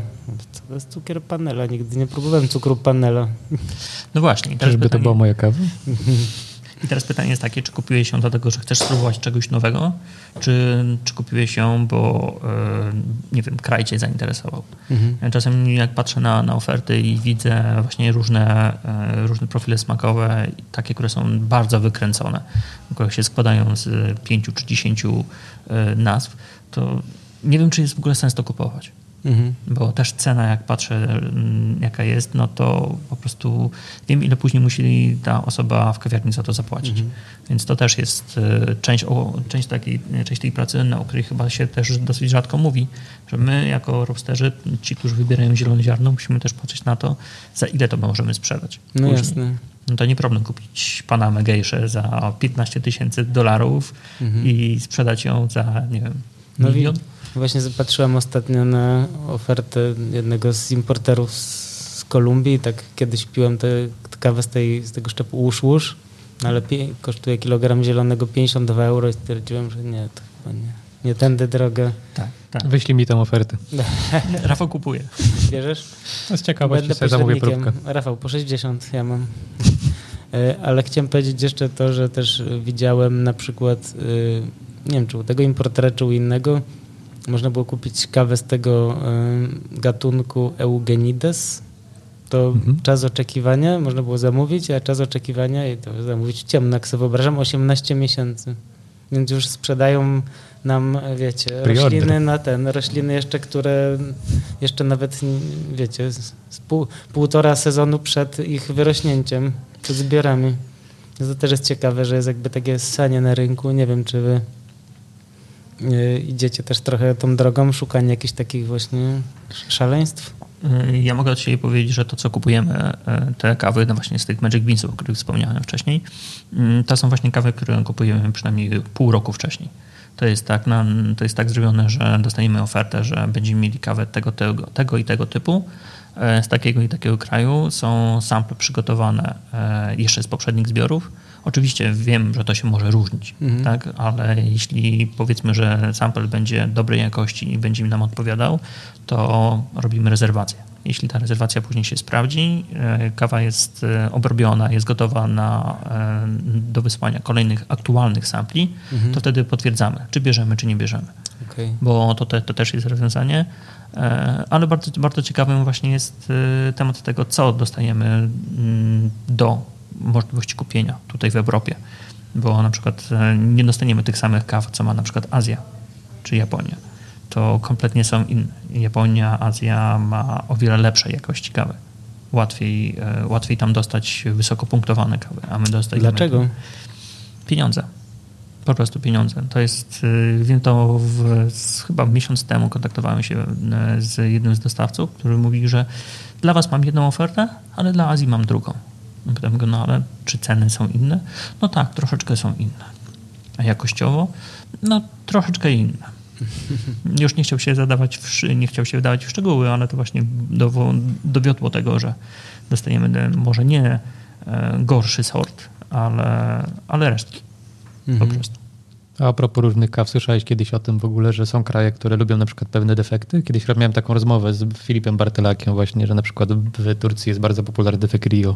Tak mhm. i ostatnio dostaliśmy zapytanie, czy nie chcemy kupić e, tira kawy właśnie z defektem Rio, żeby go później sprzedać do Turcji i Serbii. A no tak, tak. To ostatnio ktoś o tym opowiadał u nas w podcaście. Ja już wiem kto, jak rozumieliśmy z Błażejem Walczykiewiczem i Paulą Gwarek, to oni właśnie mówili, że Q-graderzy z Grecji czy z Turcji na przykład kawę, które mają wyraźne Rio, czyli to dla, po, powiedzcie, co to jest dla tych, którzy nie, dla słuchaczy, którzy mogą nie wiedzieć. To jest taki... Rio to taki defekt chemiczny, fenolowy dokładnie, który się pojawia w kawie i właściwie przyćmiewa albo większość, albo wszystkie walory smakowe. No, ale on jest taki też trochę jakby zajrzeć do, może też do jakiejś takiej ziemianki wilgotno. Tak, nie? taki trochę octowy czasami bywa. No właśnie i powiedzieli, że Q-graderzy z Grecji czy z Turcji są w stanie przymknąć oko na ten defekt, bo dla nich to jest... Dobra kawa do kawiareczki. Nor, norma niemalże, tak. Więc chcecie spróbować kawę z defektem Rio, to pewnie najlepiej y, iść do jakiegoś takiego sklepu orientalnego i tam kupić taką kawę do kawy zmieloną do imbryczka turecką jest duża szansa, że będzie tak właśnie smakować. Aktualnie można nawet kupić sobie takie kapsułki z danymi defektami. Mm, ale nie mówisz o kapsułkach do, do systemu Nespresso, tylko... Nie, nie, nie, nie mówię jak najbardziej. Jest firma, która zajmuje się profesjonalnie jakby tworzeniem takich defektów do po prostu rozwodnienia w wodzie. Mhm. Masło maślane, nie za bardzo wiedziałem jak to powiedzieć. A to na szkoleniach, nie? Są mhm, też dokładnie. wykorzystywane. Bo jakby taki efekt faktycznie na żywo trudno sobie znaleźć w, jakimś, w jakiejś kawie, przynajmniej wysokiej jakości. No tak. Jak to jest, powiedzcie, co teraz, co teraz się dzieje w tej naszej branży kawowej? Czego, czy jest coś, czego, co czujecie, słyszycie, macie pytania o jakieś rzeczy, czego by chcieli wasi klienci? Czy to się zmienia? No bo to pewnie już nie jest tak jak 5 lat temu, że wystarczyło mieć soczystą Kenię i naturala z Etiopii, żeby wszyscy byli szczęśliwi. Tak przynajmniej z moich obserwacji dużo ludzi właśnie oczekuje, że będzie mieć bardzo dużo anaerobów w ofercie, czy chociażby o barrel. Bardzo dużo też osób pyta, ze względu na to, że kilka palarni po prostu je strasznie promuje. Mhm. Barrel czyli takie kawy starzone, w beczce, dokładnie. Mhm. Po alkoholu. Dokładnie. Testowaliśmy to swojego czasu, ale jak dla mnie ten alkohol po prostu bardzo dominuje sam smak kawy, a jednak w kawie, przynajmniej w mojej teorii, chodzi o to, żeby pod, podkreślić to jak farmer, jaką, prac, jaką pracę w to włożył, a nie to, żeby dodać mu czegoś do mhm. po prostu finalnego produktu. Ja się też spotykam z niechęcią, bo dostaję sygnały, że ktoś mówi, no tylko nie to. Może jest tego też za dużo już czasami.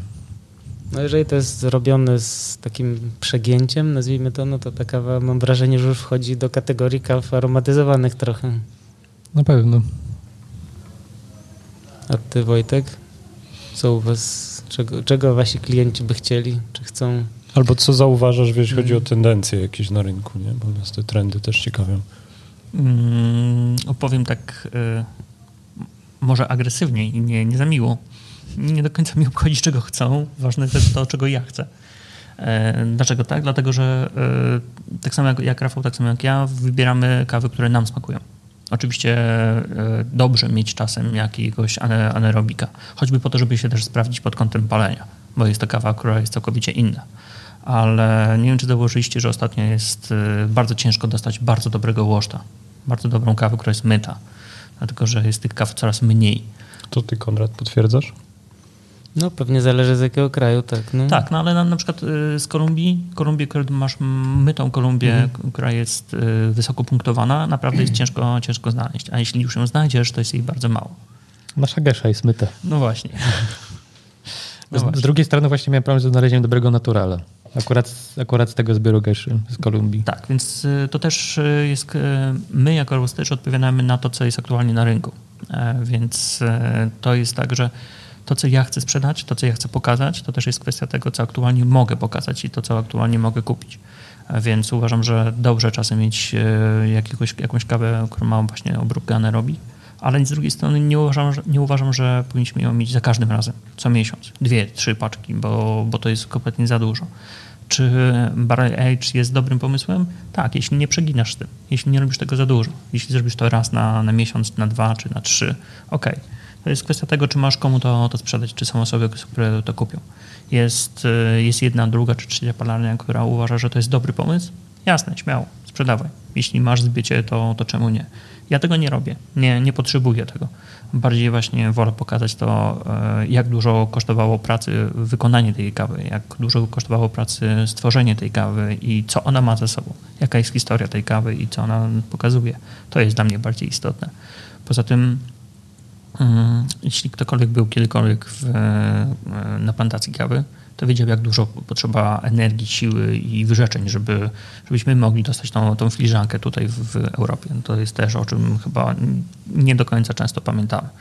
Więc jak ktoś kupuje Barrel Age'a, gdzie była kawa, która była już sama w sobie była dobrej jakości, a dodatkowo do tego jeszcze ją podciąga e, tym aromatem, no to nie wiem, czy to jest kwestia tego, że po prostu chcemy sprzedać produkt, czy chcemy się chwalić kawą bo uważam, że to jest jednak troszeczkę taka... E, Dzieło marketingu. Takie trochę sprzeczność, tak, marketing w ten sposób. No dobra, też może mm, tak, tak sobie myślę, jak cię słucham, że to takie, wiesz, przekonanie nie wynika z jakiegoś, wiesz, samouwielbienia, tylko tak jak mówisz, e, patrzysz, co jest na rynku, wiesz, co jest dobre i tym się kierujesz, nie? Tak, Bo to ale... trochę też narzucasz ten wybór, nie? Ale on nie wynika tylko jakby z twoich upodobań i sympatii do Tak, jakichś... tylko że możesz jeszcze wyjść z, z drugiej strony. Jeśli na przykład powiem, że nie wiem, nie kupuję żadnej keni, bo żadna kenia mi nie, nie smakuje, to twoje obroty, twojej firmy zaczynają spadać, no bo ludzie oczekują pewnych kaw.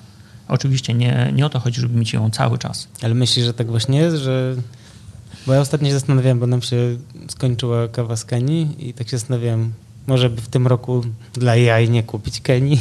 Ale ja tak mam na przykład zrobiłem jakiś czas temu z Etiopią. Uważałem, że nie warto kupować e, aktualnie w tym momencie Etiopii, mhm. dlatego że świeże zbiory będą za chwilę. Mhm. Wszyscy wiemy, że łatwiej jest pracować na świeżych zbiorach. One te kawy mają więcej w sobie do zaoferowania ale jeśli masz przerwę dwóch, dwóch czy trzech miesięcy, to się zaczynasz zastanawiać, czy może rzeczywiście nie warto kupić dwóch czy trzech worków po to, żeby mieć coś w swojej ofercie. No bo na pewno ktoś będzie chciał kupić. I to jest, to jest pomiędzy młotem a kowadłem, bo masz do wyboru albo będziesz sprzedawał i zarabiał, albo nie będziesz sprzedawał i nie będziesz zarabiał. Wiesz co, myślę, że jeszcze jest taki aspekt tej, tej, tej obecności na rynku, no bo wy tak samo Java czy Coffee Lab, y, jesteście dostępni w wielu miejscach. Ja wiem, że te kawy są popularne, ludzie wybierają, nie? A, a teraz staram się to jakoś zestawić z kimś, z kim rozmawiałem w tym tygodniu, kto dopiero startuje z palarnią, mhm, nie? Tak. I on z tej pozycji, myślę, nie może jeszcze spojrzeć. Nie może, nie? ale on może patrzeć na potrzeby swoich klientów e, na lokalnym rynku. Bo jeśli otwierasz palarnię, która powiedzmy, nie wiem, ma e, piec 5-kilowy i nagle uważasz, że będziesz sprzedawał kawę na cały świat, no to to jest nierealne możesz patrzeć na swój aktualny rynek. Tak jak ja kiedyś myślałem o tym, żeby otworzyć swoją własną małą palarnię i sprzedawać ją na, na rynku w Nowym Dworze Mazowieckim. To, to jest kwestia tego, do, do, kogo dążysz. Przy stole wiele osób miało ten etap i, no, i ale właśnie takie jest... rozwiązanie ma sens z drugiej strony, że masz mały piec i sprzedajesz tak, dokładnie na tak. rynku. Ja osobiście uważam, że za chwilę dojdziemy do takiego etapu, że będziemy mieli albo bardzo małe palarnie, które będą paliły na własne potrzeby, dla potrzeby po, bliskich kawiarni, albo bardzo duże palarnie, które będą sprzedawały na bardzo duże ilości. Nie będzie czegoś, co jest pośrodku bo, bo małe palarnie nie będą miały możliwości dostosowania się do klientów typu 5, 6 czy, czy 7 kawiarni, a duże, a duże palarnie, czy ja zrobię 100 kilo więcej, czy mniej, dla mnie to nie jest problem. Jeszcze, jeszcze patrząc na te koszty prowadzenia biznesu, nie? Tak. szczególnie przy tych małych. No i, no i właśnie, bo to idziemy trochę w takim kierunku ciekawego wątku, jak się rozwija ten rynek, że powstaje dużo palarni. Nie? Też jak na przykład rozmawialiśmy z Kofedem, to mówi, że odbierają telefony, że ktoś dzwoni mówi, no mam tak z 20 tysięcy, czy, czy dałoby radę uruchomić biznes? Oni bardziej mówili tak jak w tym, w tym twoim, że nie da rady. Nie? Z drugiej strony ktoś, kto prowadzi działalność, to taki leasing na te kilkadziesiąt tysięcy raczej uzyska, ten, ten piec weźmie, ale to jest dopiero pierwszy krok nie, dotarciu. Więc mamy taką sytuację, że, że powstaje dużo e, takich biznesów.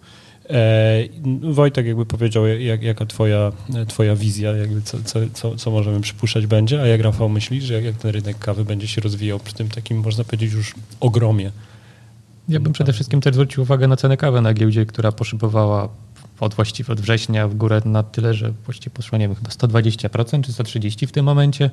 Także to też na pewno gdzieś dla tych szczególnie małych właśnie graczy, czy tych średniej wielkości na pewno dużo dostali po tyłkach niestety.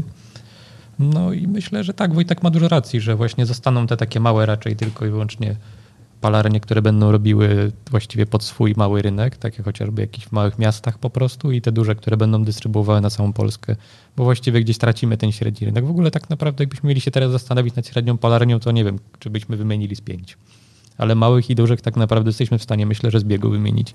Mam to samo. E, a co myślicie o zagranicy? Bo ja jakoś nie zauważam, żeby polskie palarnie szły wiesz, w rynek europejski. Czy, czy się mylę? Może nie mam takiego wglądu. Wiesz to myślę, że to dużo zależy akurat od kursu waluty w danym momencie. My w tym momencie dużo więcej sprzedajemy na przykład za granicę, głównie przez to, że euro jest drogie, a złotówka jest dla po prostu osób z zagranicy tanią. E, w jakich krajach kupują Java? W Niemczech, w Czechach, na Słowacji, tak naprawdę na Węgrzech.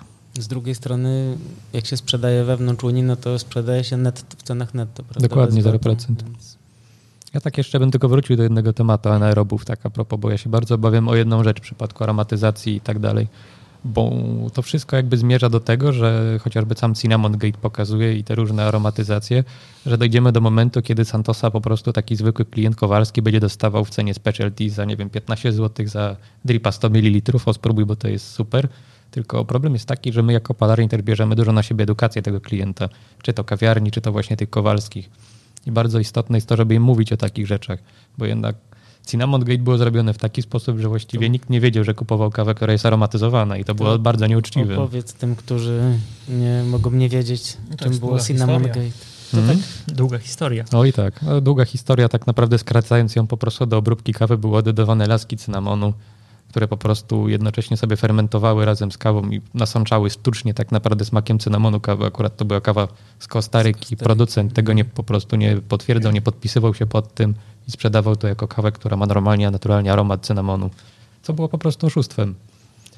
I no niestety rynek kawowy w części do tego zmierza, także ja się do, ja się do końca do tego nie podpisuję, właśnie dlatego też trochę boję się anaerobów i trudno jest znaleźć dobrego anaeroba, który też nie będzie miał defektu takiego czysto alkoholowego, takiej overfermentacji. Tak, zgadzam się w 100%. Więc też osobiście uważam, że e, tak jak z modą, ona przemija, ale po pewnym czasie wraca. Więc teraz jest moda na różne, różne e, fermentacje i myślę, że za rok, za dwa czy za trzy wrócimy do czystych, klasycznych łosztów, naturalni, które są po prostu czyste, w filiżance, gładkie, soczyste i nie musimy się zastanawiać nad tym, czy jest tutaj e, defekt Rio, czy jakikolwiek inny. Mhm. Dokładnie. Ja się trochę obawiam, że dojdziemy do takiego momentu, kiedy powiedzmy w takich palarniach topowych po prostu znajdziemy się jak w pożądaniu z Afryką.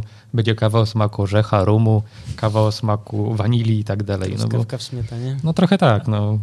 Zamiast jakby pokazywać tą pracę farmera, to ile oni w to pracę włożyli tak naprawdę czasami całe pokolenia, chociażby tak jak rodzina Mieriszów, od których czasami kupujemy kawę, to po prostu tak, dokładnie, to po prostu dodamy sobie ten aromat i cyk, kawa zrobiona po prostu pan, nie wiem, Hasselhoff kupił sobie plantację, kurde, w Panamie i już robi najlepszą geszę na świecie.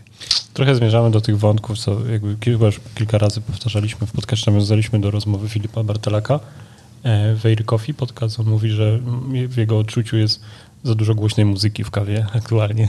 To chyba chodziło o to, że ten marketing, tak mam nadzieję, że kiedyś zaprosimy też do podcastu no, jeszcze o tym na, pogadamy. Kiedyś już go nawet próbowaliśmy namówić, no. jakoś się nie udało zgrać terminów, no ale będzie, wrócimy będzie do nam tego. miło, ale to trochę do tego zmierza, nie? że e, okej, okay, to mówicie, że dobrze wróci do korzeni. Jeszcze tylko wrócę do tego wątku zagranicy, jak tak mnie ciekawi ostatnio, nie wiem Wojtek, czy ty możesz się podzielić, czy Coffee Lab za granicą też kupują? Mm, jeśli za granicą kupują, to ja nic o tym nie wiem. Mm, okay.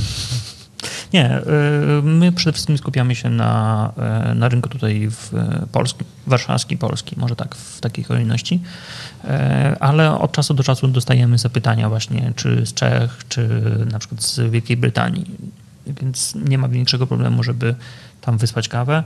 E, współpracujemy z dużymi sklepami internetowymi, gdzie, gdzie też można dostać naszą kawę, więc uważam, że w ten sposób też ludzie mhm. po prostu kupują i nagle okazuje się, że po tygodniu, miesiącu czy, czy po jakimś czasie do, dostaje informację, że moja kawa była tu i tu i tu. Więc w ten sposób. Ja tak rynkowo się przyglądam, bo, e, bo, bo widzę, że gdzieś często kawy za granicy trafiają na, do Polski. Tam Labuna mam wrażenie, że też tak specjalizuje w takich kawkach, tam wyszukują sobie i byłem ciekawy, czy to w drugą stronę też, nie? U was tak? U was? Ja no, myślę, że właśnie duże, duże znaczenie ma ten temat tego VAT-u na przykład. A właśnie, a wy jak y, za granicę wysyłacie? Y, macie zamówienia? Bardzo mało. W czarnej fali. Bardzo mało. No, Chociaż ostatnio nasz, nasz znajomy zabrał, naszych dwóch znajomych, y, Pablo 27 i Diego Cichy Don, tacy, dwa, tak, dwa, tacy dwaj dżentelmeni, którzy kiedyś w Radio Campus prowadzili taką audycję w środę, gdzie dużo pili kawy i zapraszali gości. Oni teraz próbują zorganizować mistrzostwa Jamajki w Aeropresie. I ostatnio tam polecieli i zabrali właśnie jakieś nasze kawy, żeby tam kapować z tymi Jamajczykami. To bardzo ciekawe, jakby chcą w ogóle zrobić jakiś film dokumentalny o tym. No jakoś bardzo się wkręcili w aktywizację kawowej sceny na Jamajce. To w ogóle jest jakiś kosmos, ale tak, tak jest. Ja się zastanawiam, czy wy uważacie, że taka tu teraz w cudzysłowie dużym szanująca się palarnia kawy to powinna mieć tylko kawę speciality, czy jest też miejsce na, na robustę, czy na jakieś takie kawy bardziej no prostsze, gorszej jakości i tańsze niż speciality? Tak, ja, ja, okej. Okay. Może być. E, ja osobiście uważam, że palarnia, która sprzedaje tylko speciality, nie utrzyma się na rynku. Po prostu. To jest zwykły biznes, tak naprawdę. Czy sprzedaję herbatę, kawę, wino, czy cokolwiek innego, to muszę mieć e, możliwość, żeby klient, który do mnie przyjdzie, mógł spróbować jednego, drugiego i trzeciego. Więc e, to też jest tak, czego oczekujesz ty, jako roaster, jako właściciel. Jeśli oczekujesz tego, że będziesz sprzedał super kawę, no to musisz mieć duży, duży budżet. Jeśli oczekujesz tego, że chcesz iść szeroko, no to wszyscy wiemy o tym, że każdy z nas ma inne spostrzeżenie, jeśli chodzi o kawę. Jeden lubi kwasowe, drugi lubi bardziej owocowe, trzeci lubi bardziej, bardziej słodkie. Więc osobiście uważam, że jeśli jest na przykład dobra robusta na rynku, to czemu ja mam jej nie sprzedawać? Jeśli ty nie chcesz, to ja ją, ja ją sprzedam wypalę ją najlepiej jak potrafię i zapakuję w paczki, które się będą podobały. Więc to, dla mnie to nie jest problem. To nie jest psucie. To jest bardziej podciąganie, dawanie lepszej oferty. Ale jeśli okaże się, że na przykład jestem dużą palarnią i kupuję kiepskiej jakości ziarno i sprzedaję jej w super paczkach, no to kogoś oszukuję. Czy oszukuję siebie, czy oszukuję mojego klienta? Oszukuję po prostu. Więc uważam, że jeśli jest dobrej jakości ziarno i jest to kawa, która się sprawdzi, to jak najbardziej nie widzę w tym problemu. Oczywiście mówię, to jest kwestia tego klienta. On decyduje. Jeśli na przykład, nie wiem, kawy z Coffee Labu mu nie będą smakowały, może, może kupić coś z Java. Dla mnie to nie jest problem. Ważne jest to, żeby te pieniądze zostawały tutaj na tym polskim rynku. Bo tak jak rozmawialiśmy, oczywiście można sprzedawać kawy z, w, w Wielkiej Brytanii czy, czy w Anglii, ale jakby nie patrzeć, to my musimy później kupować te zielone ziarna, więc uważam, że więcej pieniędzy dobrze byłoby tutaj na naszym, na naszym rynku trzymać. Ja bym powiedział tak bardziej ogólnie, że w ogóle samo, sama tak naprawdę picie kawy to jest taka podróż po tych krajach producenckich mimo wszystko i niezależnie od tego, jakiej jakości one są, warto je zawsze spróbować, żeby mieć jakieś pojęcie. To tak jak dobry kucharz, myślę, że powinien spróbować też słabej kuchni, żeby mieć świadomość, na jakim poziomie stoi. mimo wszystko. My też w Javie mamy i kawy segmentu specialty i mamy kawy fine, ale wszystkie są w okolicach 80 punktów, tak żeby też nie musieć się ich po prostu wstydzić, przy czym no nie oszukujmy się, każdy z nas miał na pewno etap takiej powiedzmy hipsteryzacji rynku, czyli każdy pił tylko te najlepsze kawki, na przykład od Tima Wendelbo, czy gdzieś tam za granicę, jakby to bez znaczenia od samych, jeżeli chodzi o samych producentów, ale też na pewno piliśmy jakieś espresso w pożegnaniu z Afryką. Ja kiedyś byłem aktywnym członkiem forum Cafe Prego, jeździłem na jakieś spotkania forumowe. Mm. Także każdy gdzieś na pewno spróbował właściwie różnych kaw. Ja nie mam na przykład problem z tym, żeby pójść na picie włoskiej kawki jak jest w lokalu. Nie, nie brzydzę się tego i tak piję bez cukru. Co prawda, się ludzie akurat dziwią często, ale nie mam jeszcze takiego powiedzmy spaczonego gustu, chociaż miałem przez jakiś okres czasu taki też podejście, że tylko tak najlepsza kawkę, tylko Kenia, Etiopię. Przy czym ten rynek jest tak szeroki i tak daje dużo możliwości, że nie ma co się zamykać po prostu i warto dać klientowi wybór. Mamy tak samo i Cerrado, mamy jakąś Guatemala Santa Rosę, jak i mamy też Geszę w tym momencie, która jest za jakieś chyba 500 zł za kilogram, jeżeli dobrze pamiętam. Właśnie to jest chyba coś, czego mi osobiście najbardziej brakuje, że e, nie robimy tego kroku wstecz. Czyli nie, nie pójdziemy, nie kupimy na przykład e, filiżanki włoskiej kawy, bo jesteśmy tak bardzo do przodu. Dumni. Tak jesteśmy dumni, tak bardzo lubimy owocowe, kwasowe kawy, że nagle zapominamy od czego to się wszystko wywodzi a z drugiej strony uważam właśnie, że dobrze byłoby zrobić ten krok wstecz po to, żeby zobaczyć, gdzie jesteśmy, co mamy aktualnie. I czego klient oczekuje też bardzo często. Tak, dokładnie, dokładnie tak. Bo nagle się okaże, że klient nie, nie, chce, nie chce mojej kwasowej Kenii, tylko właśnie woli tradycyjną, prostą Brazylię, która jest przede wszystkim orzechy i czekolada. To go interesuje. No i bez tego kroku wstecz nie jesteś w stanie zrozumieć jego potrzeb, tak bym to ujął w dużym skrócie. Tak, dokładnie tak. Konrad, drugi raz poruszasz ten temat w nagraniu ostatnio też i to, to jest tak, że co w Czarnej Fali Mm, jak jest u Was?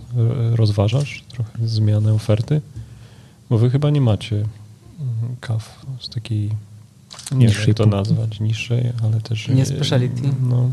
no tak. No myślę o tym. Myślę o tym tak. Czy to jest dobra droga?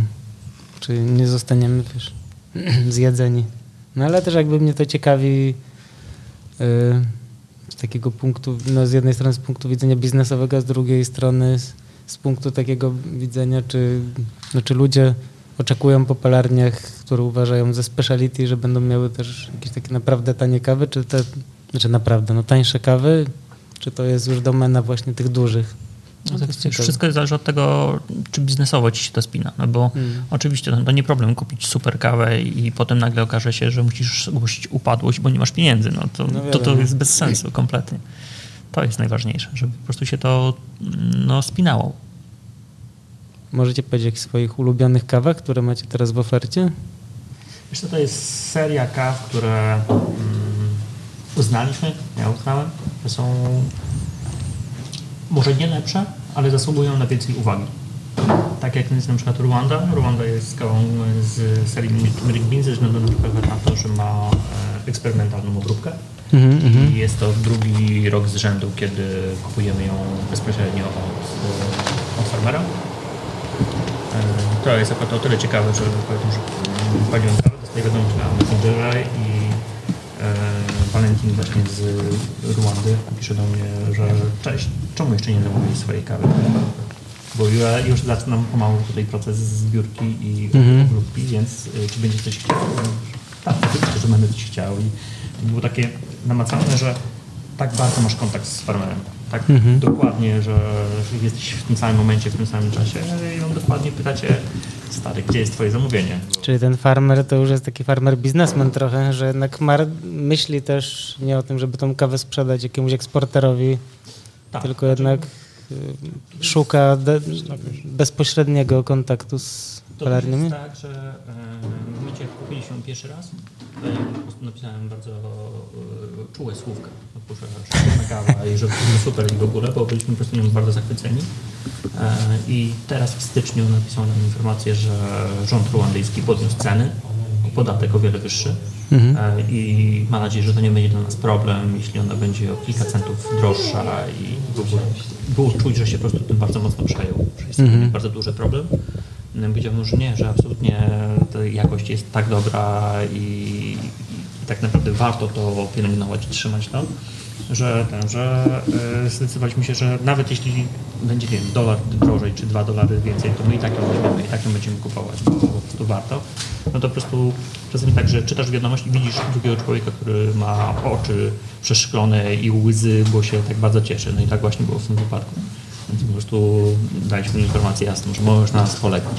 Nie są jakieś wielkie ilości, bo na przykład tej gołąbki kupiliśmy tylko 6 worków, ale dla, tak, dla, dla takiej osoby każdy worek to, jest, no to są pieniądze. Mhm. I co, on po prostu pakuje na paletę i wam wysyła w ten sposób, Kupujemy czy to przez, eksportera? e, Przez Algram. Mhm. Algram jest, A no e, tak, oczywiście. Mhm. e, Jest, jest platformą, która jest jakby pośrednikiem. Więc, Która łączy farmerów z pelarniami. Mhm. Tak, na tej, na tej zasadzie. E, I tutaj jest akurat bardzo dobry kontakt, bo oni są, Algona jako platforma mm, łączy nas dokładnie. W sensie takim, że mm, można wysłać wiadomość po prostu czy mailowo, czy, czy przez ten portal. E, I ja ją widzę, człowiek z Rwandy ją widzi, z Kenii też dostałem informację, że czekamy na nowe zbiory i zaraz będą. Mm, A poza tym też jest bardzo duży plus, jeśli chodzi o sam Instagram, bo e, duża część e, farmerów, plantatorów z Afryki, na przykład z tej Rwandy, e, uwa- uważa Instagram za narzędzie pracy. Więc w ten sposób się go bardzo łatwo można z nimi Mhm. kontaktować. Nieźle. I to jest już taki chyba e, znak naszych czasów, że w ten sposób o wiele łatwiej, łatwiej kupić kawę i tą relację jakoś e, zacieśnić. Bo na przykład nie wiem, 10 czy, czy 15 lat temu to było chyba nie do pomyślenia, albo było w dużym stopniu niedostępne. Więc to jest akurat bardzo duży plus. E, A drugą kawą jest, e, jest Peru. Jest Peru. Drugą kawą z tych Magic Beansów. Tych Magic Mhm. Beansów, Bo staramy się mieć na razie dwie, bo będzie, nie wiem, trzy, cztery czy pięć, to nagle się okaże, że tego jest za dużo i, Mhm. i tak naprawdę e, gdzieś to będzie umykało. No tak, ciężko zwrócić uwagę na tyle etykiet. Tak, tak, więc w tym wypadku mamy, mamy dwie i Peru akurat z, ze świeżych zbiorów. e, Bardzo przyjemna kawa, e, może nie tak eksperymentalna jak, jak Rwanda, ale, ale warta swojej, swojej uwagi. Z mojej strony to na pewno jest Mianma. Jest to kawa, która jest rzadko spotykana przed, przede wszystkim. Plastelina. Tak jest, dokładnie. Jest to kawa, która jest bardzo rzadko spotykana mimo wszystko w ogóle na rynku kawowym. I powiem szczerze, że ja bym spokojnie, jakbym ją postawił na stole cuppingowym razem z Gerszą czy jakimiś innymi smacznymi Etiopiami, ona by się totalnie, ona by totalnie zginęła pomiędzy tymi kawami. Jakby nikt by nie powiedział, że to jest jakakolwiek kawa z Azji. Jednak swojego czasu, jak zaczynaliśmy swoją przygodę w kawie, ja, Wojtek czy ty, Konrad, to na temat Sumatry mogliśmy powiedzieć tylko tyle, że jest czekoladowa. I tak naprawdę na tym kończyła się cała nasza wiedza i właściwie te wszystkie, te wszystkie, tak, te wszystkie kawy były takie jednowymiarowe właściwie. Teraz te kawy na, naprawdę mogą stać sobie ręka w rękę z Etiopią czy Kenią na stole i czasami naprawdę mogą mi wygrać. Widzę na etykiecie pomarańcze. Rozumiem, że jest to taki, y, taka podpowiedź smakowa trochę, tak? Dokładnie tak. Z człowiekiem oczami, także jest to bardzo ważne. Mm. A jak ktoś słucha podcastu rok później, to co tam warto, żeby zaglądał do Javy, to tam zawsze dobrego znajdzie? Zawsze znajdzie coś dobrego, przy czym trudno mi powiedzieć, co, będzie- co będzie dokładnie za rok w naszej ofercie, bo mamy też taką jakby technikę działania, że co roku Będzie- właściwie podpisujemy nowe kontrakty, Będzie nowe kawy. Eugenides z Alaski. Nie sądzę, jest bardzo ciężki do dostania, tak jak też rozmawialiśmy wcześniej. No, Wojtku, wy macie zawsze y, wyszperane chyba coś w kawach miesiąca, co? Tak, tak. My mamy, mamy taką zasadę, że co, co miesiąc mamy nową kawę miesiąca. Mm, I co miesiąc jest to nowy artysta, który robi specjalną etykietę do tego. E, Tutaj wyszukaniem tej, tego artysty i tworzeniem tej, e, tej etykiety miesiąca zajmuje się też nasza, nasza Ola, która mm, twardą ręką rządzi, jeśli chodzi o szukanie tych etykiet i, i tych e, artystów. Moim zadaniem jest wybranie odpowiedniej kawy. I ja bardzo często pytam właśnie Ole, a co, ten, co ta osoba pije? Czy, czy jest to jakiś przelew, czy jest to espresso, czy, czy tak naprawdę jest Czyli wybierasz trochę pod artystę tą kawę. Trochę tak, bo wiesz co, bo e, jeśli masz coś promować, to lubisz to promować sam, całym, całym sobą. Więc jeśli coś ci nie smakuje, no to ciężko, żebyś to promował. No i co wybrałeś na czerwiec, bo jesteśmy na początku tego Jesteśmy miesiąca? na początku czerwca i jest to Kolumbia. Jest to Kolumbia e, Pink Bourbon, odmiany botanicznej Pink Bourbon, washed, czyli żaden anaerobik, nic, nic takiego, co by, e, nie wiem, wykręcało. Jest to klasyczna kawa, która jest bardzo słodka, e, sporo w niej e, owoców, ale nie jest agresywna w smaku. Więc to jest uważam bardzo, bardzo duży, duży plus. Mm. Jeśli na przykład byś mnie zapytał, co będzie w przyszłym roku, na pewno będzie jakaś Kenia. To, to na pewno. Na pewno Czyli będzie. jednak Etiopia może też. E, Tak, Etiopia też, ale na pewno będzie Rwanda. Na pewno będzie Rwanda, dlatego że akurat e, tutaj w serii Magic Beans e, mamy Rwandę z farmy Gaszuru i Valentin, który jest osobą, która, z którą ja się osobiście kontaktuję, właśnie zachęca do tego, żeby właśnie kupić. e, Również polecam. Tak, tak. Więc wbrew pozorom są to bardzo, bardzo dobre kawy i wiem na przykład też, że e, Wojtek z Good Coffee też swego czasu miał kawę od nich e, i też bardzo dobrze, dobrze je wspomina. Więc e, są pewne farmy, są pewne kraje, z którymi ja osobiście bardzo chcę współpracować. E, I tutaj drugą, drugą jest właśnie Honduras, bo będziemy mieli kolejną partię właśnie e, kaw z Hondurasu. Pewnie to będzie październik, może listopad, bo to będzie ten okres, kiedy one będą dostępne w Europie. Powiedzcie, co, jaką drogę byście polecili dzisiaj osobom, które dopiero zaczynają e, drogę w kawie, czyli trafiają na rynek speciality, kupują pierwsze paczki kawy, pierwsze dripery, gdzie byście ich pokierowali?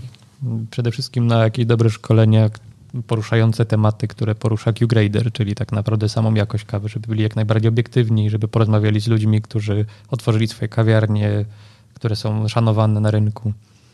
Na tej zasadzie porozmawiali ze swoimi roasterami tak naprawdę, bo to też nie jest tak, że nie można się do nas odezwać, czy nas jakoś złapać. Bez problemu tak naprawdę odpowiemy na wiele różnych pytań. Ja uważam, że chyba dobrze mieć swoją kawiarnię.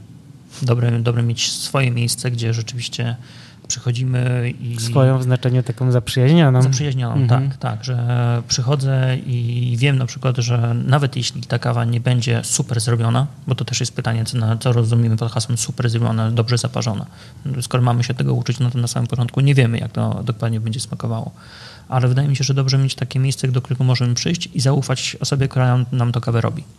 I ewentualnie, jeśli na przykład e, dostaniemy tą kawę, wypijemy, nie wiem, uważamy, że coś jest nie tak, to zawsze można do takiej osoby przyjść i zapytać, słuchaj, uważam, że ona smakuje tak i tak, czy tak miało być? Może coś e, można byłoby zrobić inaczej. Jeśli dro- na, na dobrą osobę, to ona to przyjmie do siebie i powie, rzeczywiście masz rację, możemy coś zmienić, możemy tą kawę poprawić jakościowo. Ale z drugiej strony to właśnie to, co Rafał powiedział, czyli my nie żyjemy, roasterzy nie żyją za kurtyną. Do nas można się odezwać, można do nas napisać. Bardzo często jest tak, że albo jesteśmy zajęci, albo rzeczywiście akurat piszesz czy dzwonisz, kiedy akurat zrzucam piec, więc może być z tym problem, ale to nie jest tak, że nie odpowiemy. To, to jest jedna rzecz. E, Kolejną, jeśli e, ktoś mnie zapyta, jak dostać się do palarni, bo to też uważam, że jest bardzo ciekawa, ciekawa rzecz. Jak zacząć pracę w palarni kawy? Kiedyś ktoś mi powiedział, że no, co, co zrobić? Ja mówię, no to zacznij drążyć. Zacznij przychodzić do tej palarni. Zacznij być obok, obok nich. Może nie uda ci się tego zrobić w pierwszym miesiącu, może nie uda ci się zrobić tego w drugim miesiącu, ale jeśli jesteś uparty i chcesz tam pracować, to prędzej czy później znajdzie się dla ciebie miejsce. Może to nie będzie w tym roku, ale na pewno będziemy pamiętać. Więc e, jeśli ktoś chce pracować w palarni, to polecam po prostu być blisko niej. Po prostu być blisko niej. Jakbyś przychodził tak do Coffee Labu, to nie wiem, czy bym cię zatrudnił. No ja wiem, że nie. Ale z drugiej strony, wiesz, zawsze znajdzie się miejsce dla osoby, która na przykład e, chce być e, osobą, która będzie testować kawy.